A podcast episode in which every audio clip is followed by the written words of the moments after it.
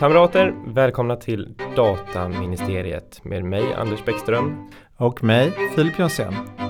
Och idag har vi två gäster, bröderna Jonasson från Sundsvall, Fredrik och Patrik. Um, en snabb introduktion av er, Fredrik. Hej, jag heter Fredrik Jonasson och jobbar på IT-säkerhetsbolaget. Och din bror Patrik? Jag heter Patrik Jonasson och jobbar på IT-säkerhetsbolaget med informationssäkerhet, IT-säkerhet och dataskydd. Alltså den givna första frågan, hur är det att jobba med sin storbror Fredrik? jo då, vi känner varandra genom att vi har umgåtts genom hela livet. Så vi kan varandras både brister och våra, hur vi kan få, att, få det bästa ur varandra. Känner du likadant Patrik? Definitivt är det så. Ingen känner Fredrik så väl som mig så att vi kan jobba väldigt, väldigt tajt tillsammans. Men hur eh, kom ni in på det här med dataskydd med, eh, med tanke på er bakgrund inom säkerhet, IT-säkerhet? När vi startade företaget 2012 då tittade vi framåt och såg vad kommer hända för någonting. Och då såg vi det här med utbildningar först och främst, det var intressant. Men sen så nya krav och den här personuppgiftslagen var ju gammal och det var ju då redan då man började titta på det här med GDPR. Men då visste vi inte att det skulle heta GDPR så redan 2015 registrerade vi gdpr.se som domän. Och vi har haft då 50 helårsutbildningar om området för att vi inser att det här är något som är jätte, jätteviktigt.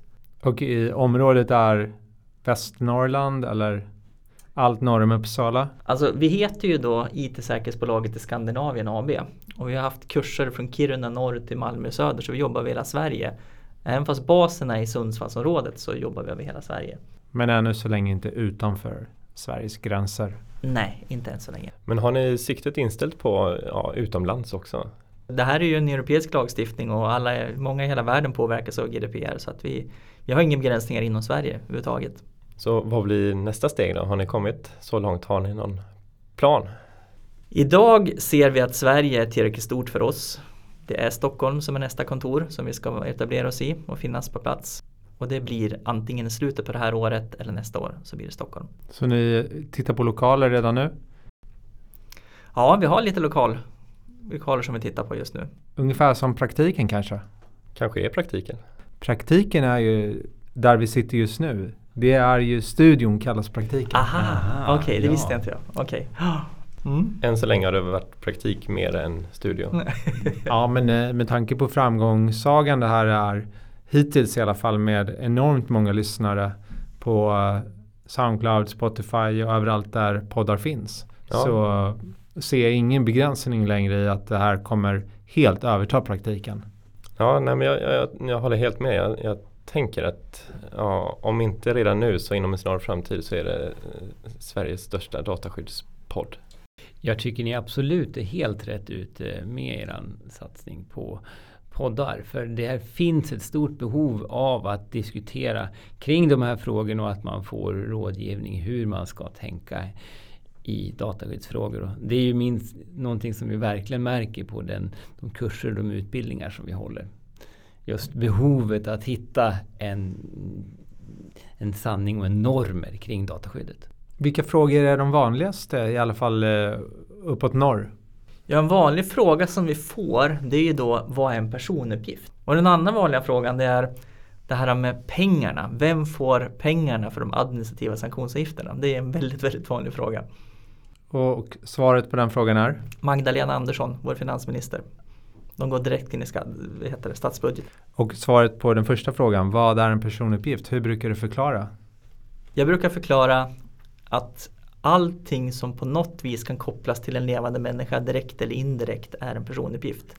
Hårfärg, ögonfärg, DNA, IP-adressen på min dator. På mitt kontor har jag ett ståbord och höjden på det centimeter är också en personuppgift. Elräkningen hemma hos mig är också en personuppgift. Hur, hur tycker du med den här begränsningen man ändå gjort till att det gäller bara levande personer? Skulle man kunna tänka sig att ofödda fick ett liknande skydd eller även avlidna? Jag tycker att det inte behövs idag. Jag vet att man har det som valbar eh, del i GDPR för varje land och Sverige har valt att inte ha det. Och jag tycker att vi börjar så här tycker jag så får vi se sen om 10-20 år om man vill också få med ofödda och, och döda inom GDPR. Men jag tycker att det är bra som det är.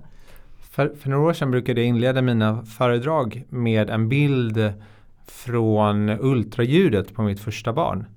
Och eh, det är ju intressant att en sån ultraljudsbild som faktiskt är av vad jag kanske tycker är en människa inte omfattas av dataskyddslagstiftningen. Så att det är lite godtyckligt när en person, om det nu är en person eller inte en person, börjar få ett skydd. Jag var en av dem som faktiskt fick se en av de här presentationerna som du körde just med både den bilden och sen den här eh, vad ska man säga, kartan över olika uppgifter om dig eh, som du har lagt upp där som jag eh, tycker är väldigt fiffigt just när man faktiskt kan identifiera en person. Mm. Var någonstans man sätter den gränsen. Mm. Um, och, för jag kan väl säga från mitt perspektiv så internt så brukar jag alltid prata om det som att personuppgifter är nästan allt. Att det är nästan svårare att hitta något som absolut inte är det än, än något som är det. så att säga. Mm. Hur tas det emot eh, de här svaren då? Är det, är det någon som tycker att det är några konstigheter i just det där och ifrågasätter det här med vad, vad ni då förklarar är personuppgifter? Ibland blir reaktionen att ja, men då är det ju kört. Allting blir ju olagligt och det är så besvärligt med GDPR. Men då brukar jag förklara det att tänk er att det här är registret över behandlingar som man har som ska beskriva alla behandlingar över personuppgifter är samma sak som ekonomisystemet för bokföringslagen. Alla sorts pengar ska man ha koll på oavsett om det är stora pengar eller små pengar oavsett valuta. Där sa du något jätteintressant tycker jag. att Så fort man nämner att något är en personuppgift så uppfattar de det som att det är olagligt. Mm. Medan det finns, det finns verkligen en utbredd missuppfattning om att man inte får behandla personuppgifter. Att det är det som lagstiftningen säger. Så att man försöker göra allt för att det inte någonting ska vara personuppgifter. Men det är ju verkligen att se saker bakvänt. Är det, är det något som ni också har stött på? Ja, ja verkligen. Och jag tror just det här med att man, vi har haft missbruksregeln i Sverige i 20 års tid gör det här att man försöker få allting under den missbruksregeln. Och nu kan vi inte ducka under den, den lagen längre för den gäller ju förstås inte. Saknar ni missbruksregeln? Nej, absolut inte. Jag, jag, jag saknar överhuvudtaget inte PUL. Jag tycker att det var för min del en väldigt väldigt begränsande lag. Jag menar, Datainspektionen utförde inte en enda administrativ sanktionsavgift under 20 års tid vad det gäller då personuppgiftslagen. De jobbade väldigt långsiktigt men å andra sidan så det, det händer ju ingenting och jag känner att det är det som är bra med de här böterna nu på 4% av globala årsomsättningen eller 20 miljoner euro eller 10 miljoner för myndigheter. Att nu har man liksom en motkraft som behövs verkligen. Även fast vi alltid pratar i helt andra termer. En smidig övergång kan man ju tycka då. Vilka är de intressanta besluten hittills tycker ni? Ja, det är ju spännande att den böter som, eller sanktionsavgiften mot Google som man nu har tagit, det är ju en, första öppning där man har verkligen börjat pröva styrkan med lagstiftningen. Får vi ju se vart det tar vägen vidare. Sen är det ju intressant att se nu hur det kommer bli i Sverige i och med eh, vi har ju fått eh, till exempel 1177 händelsen här nu är ju någonting som måste göra ett avtryck i hur eh, den framtida lag, hur Datainspektionen kommer att agera. Alltså jag vet ju att ni tittar ganska mycket på det 1177 och vad, vad är er bedömning? Vad var grundorsaken till att det gick som det gick?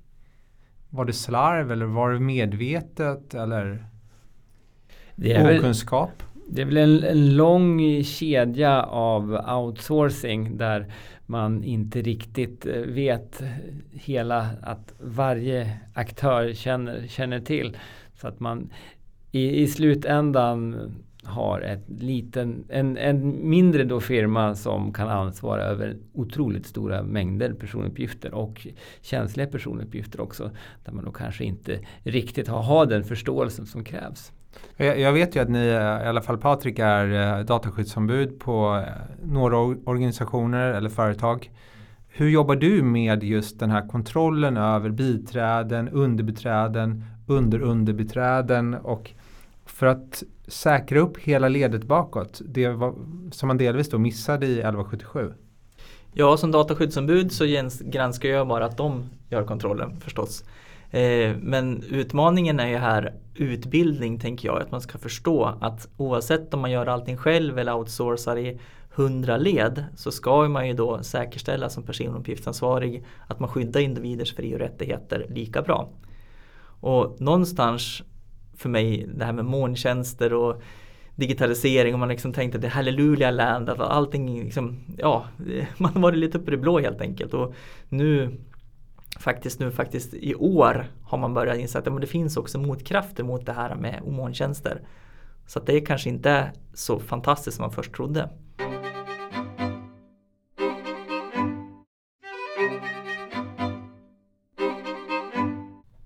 Hur tänker ni med molntjänster och så? Alltså om man säger så, det juridiska rättsläget för molntjänster nu är ju väldigt, väldigt oklart. Framförallt om det är inom myndigheterna.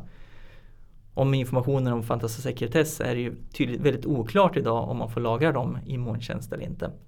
Men oavsett det så har man ju som organisation alltid ett ansvar att ha koll på sin information och jobba med riskanalyser och väga då behovet av att låta andra behandla personuppgifter utan sin egen organisation. Tidigare var det här med outsourcing väldigt populärt också och det är också samma sak där. Man ska ju säkerställa att de behandlar personuppgifter och skyddar dem på ett bra sätt. Och jag kan generellt tycka att man har varit lite Ja, man har, man har tagit alla fördelar med att låta andra behandla personuppgifter än sig själv men inte tagit konsekvenserna av det. Och det ser vi väldigt tydligt i 1177 där då företaget längst ner ute i kedjan för dem det kanske bara var en server, vad vet jag, som innehöll mp3-filer. Man förstod inte att det här faktiskt var på liv och död. Människor som i väldigt svåra fall ringde 1177 och berättade och fick hjälp med rådgivning. Eh, I någonting eh, som jag tror kommer mycket i det här det är ju att, att eh, det är externa granskningar. Så att man som underleverantör kan visa upp att man har gjort Eh, att man har en säker miljö. Ja, det är ju något som ofta förekommer i alla fall i biträdesavtal att man har rätt att få ta del av tredjepartsgranskningar. eh.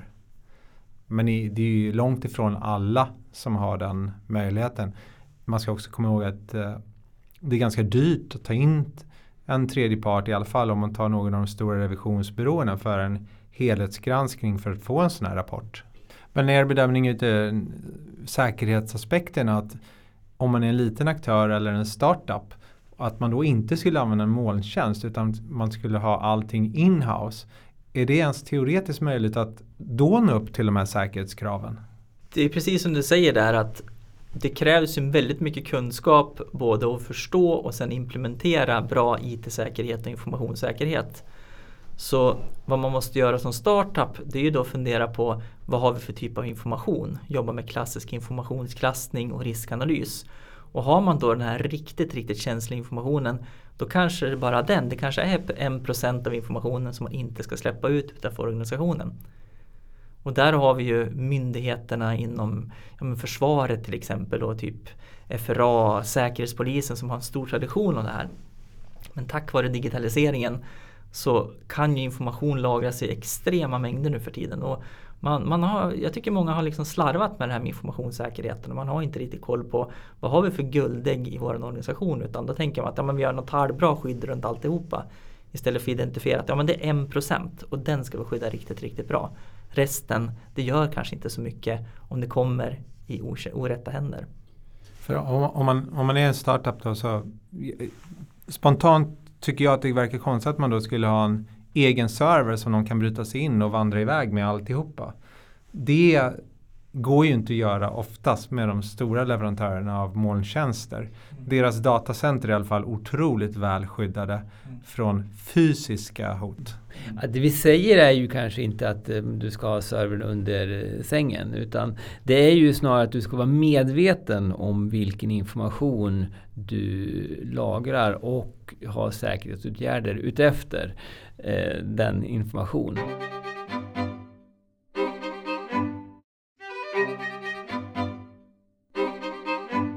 Jag tänkte svänga in på ett lite mjukare ämne för att jag vet ju hur jag möts när jag berättar vad jag arbetar med. Um, just nu så ser man ju en fasa i deras ögon när man nämner GDPR eller dataskydd. Men hur har ni uppfattat er omgivning, era familjer, era nära vänner när ni tog er in på det här spåret med dataskydd för ett par år sedan? Alltså svaret från mina vänner och, och kollegor och andra i, i branschen är liksom Oj, vilket, vilket kap, vad ni var smarta. 25 maj och liksom alla förstår ju att det är mycket jobb så många tycker att ja, men nu har de verkligen tjänat storkovan på det här med GDPR. Men vad gör ni nu för någonting? Det förstår man inte däremot. Det var så, liksom, är vi inte klara nu med GDPR? Är ni klara? Nej. Nej. Hypen är över utan nu, det är nu arbetet börjar. Men det innebär det också att frågorna och uppdragen blir mer specifika och att de är duktigare på att beställa? Ja, jag skulle nog säga det. Vi brukar säga det att alla som jobbar, jobbar långsiktigt och hållbart och har sina kunders förtroende som sin viktigaste, det viktigaste för dem är kundernas förtroende. De tycker också det här med GDPR är bra. För då får man en systematik både i dataskyddsarbetet men också i informationssäkerhetsarbetet. Genom att det blir färre incidenter så har man också mindre risk för varumärket. Och då förstår man att det här är ingen quick fix som vi gjorde till 25 maj. Många är inte klara än även fast det är snart 25 maj 2019. Men man förstår att man måste jobba långsiktigt med de här frågorna. Och då ser vi också vinster i form av att vi kan skrota system som är osäkra. Vi kan ta bort massa information som inte längre behövs och sådana saker. Alltså det blir en allmän uppstädning i kölvattnet av en ny lagstiftning som egentligen kanske fanns ett behov av hela tiden att ja. göra. Ja, men det är intressant för att jag som har jobbat med dataanalys ur en juridiskt eh, perspektiv under tio år vet ju också att har du dålig data så blir analyserna dåliga. Du kan inte lita på dem. Mm. Så att, att man bara samlar på sig med någon jättetrål det betyder egentligen inte att man har skapat värde för affären utan det, det, betyder bara att man har massa, massa uppgifter. Där kan man ju också fundera lite över data generellt tänker jag. För nu vet jag inte vad källan var på det riktigt men jag såg ett eh, lite roligt videoklipp på LinkedIn eh, Eh, med en, eh, vad ska man kalla det då, en like-fabrik. En, en väldig massa telefoner uppställda på rad och det liksom var programmerat för att gilla olika inlägg och kommentarer eller bottar och lite sådana alla sådana prylar. Så mycket personuppgifter eller information eller data vad man än vill kalla det. Eh, det är svårt idag tycker jag att vara helt säker på i alla sammanhang att, att det faktiskt är korrekt data eller att det hör hemma någonstans. Det är superintressant. Det är en ganska smart lösning som de kom på även om den är förkastlig ur ett etiskt perspektiv kanske och ingenting som vi arbetar med på dataministeriet såklart. Uh, men för att hitta kreativa lösningar, vad, vad, tycker ni? Kan, är det någon kreativ dataskyddslösning som ni är extra stolta över som ni har kommit på under de här åren? Ja, men vi jobbar ju faktiskt med en kund inom eh, inom företagshälsovård, liksom inom privat sjukvård. Där vi var, jobbade tillsammans, jag och Fredrik. Och vi visade, vi kan ju inte avslöja detaljer förstås, men då visade vi hur de kunde effektivisera sin verksamhet. Förut mejlade kunderna in väldigt mycket personuppgifter men då kunde vi på ett enkelt sätt köra med ett annat system istället. De sparar pengar och det blir ett bättre dataskydd.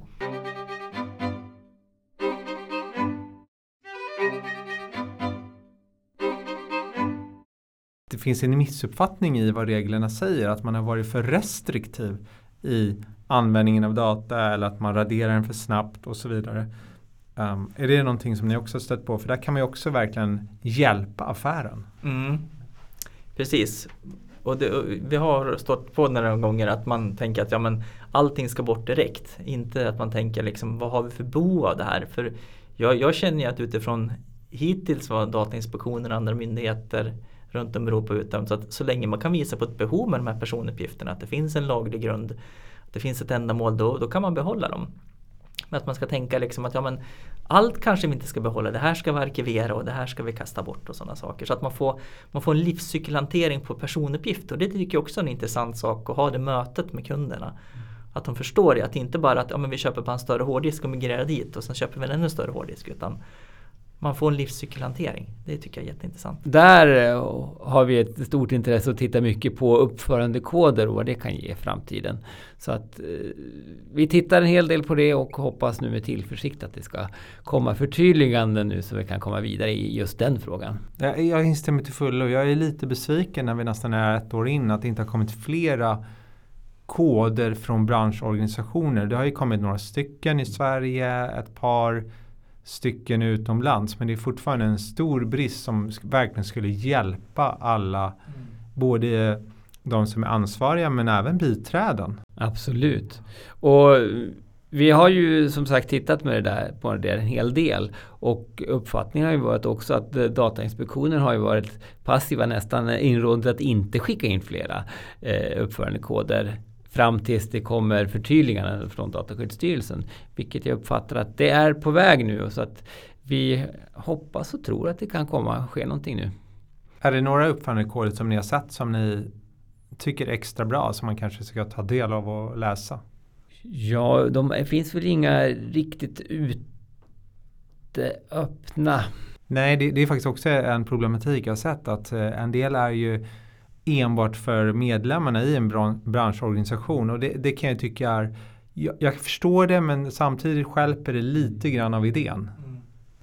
Verkligen och principen om transparens och, och, och sådär det, det skulle ju verkligen gynnas av att man delade med sig mer av saker som är bra. Om man nu dessutom ska försöka komma fram till någon best practice eh, på områden som, där det kanske då är vissa verksamheter som är inne och snuddar på andra men inte har de här riktiga musklerna heller att göra det mm.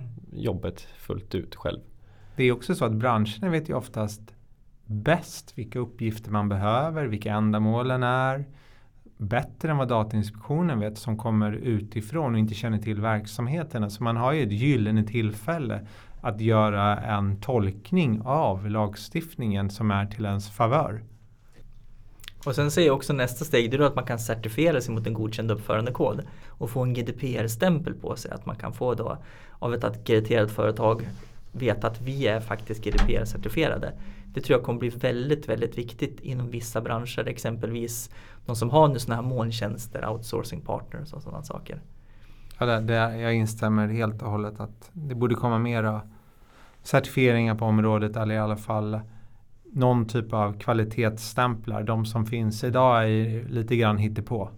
Vi får anledning till att återkomma till eran podd att, att prata om det vid ett senare tillfälle helt enkelt.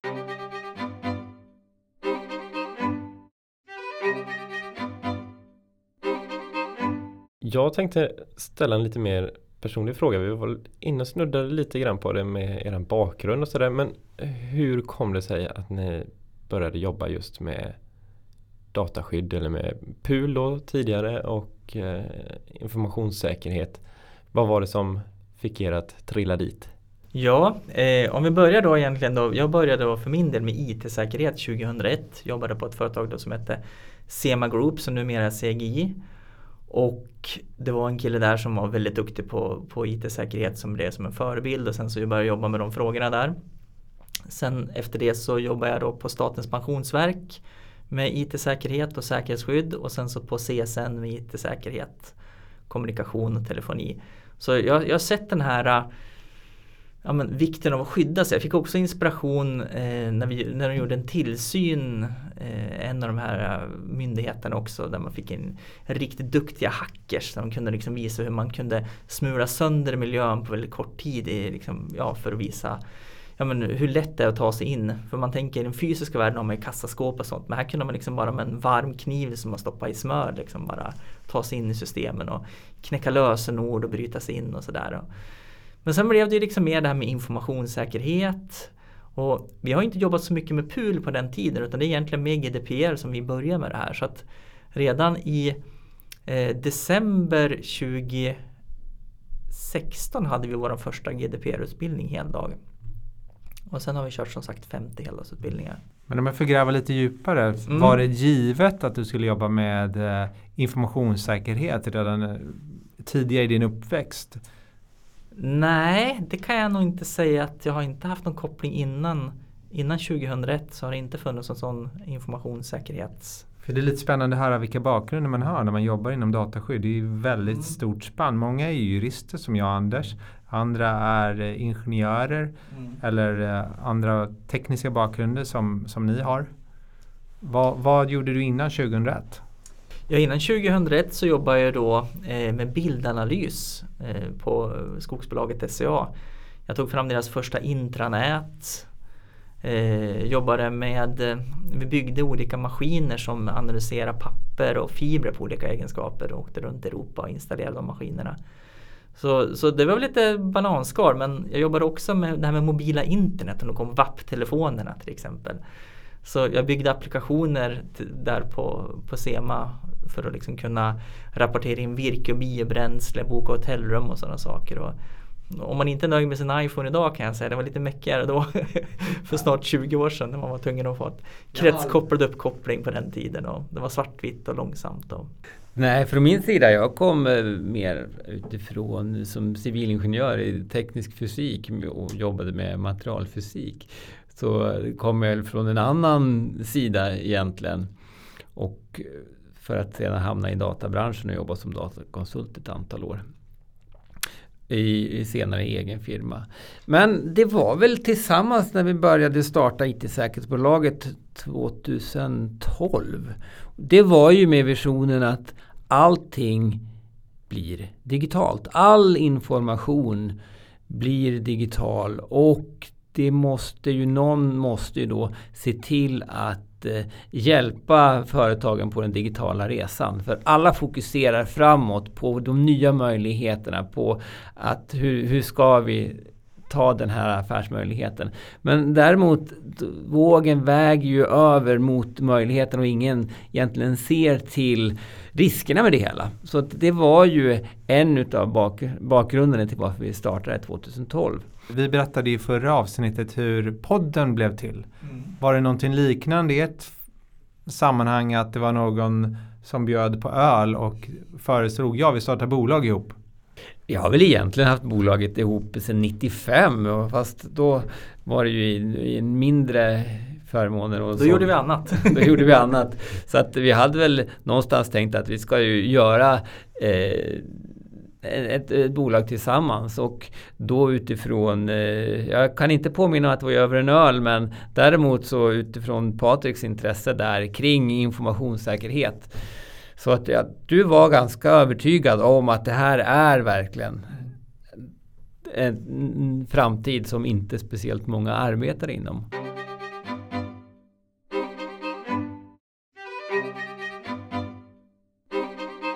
Och när ni är här, hur tar ni er fram då? Åker ni på de här nya elsparkcyklarna? Vi, för, vi tittade på dem faktiskt på vägen hit. En någon grön variant av de elsparkcyklarna. För det är ju intressant. Ett av de första, eller det första meddelandet jag fick om ett personal data breach var ju från det svenska Voi. Mm. Som jag använder ibland här. Och då fick jag ett mail därifrån där de berättade om den incidenten som hade varit. Så tråkigt för dem att de fick en breach men alltså pluspoäng att de berättade.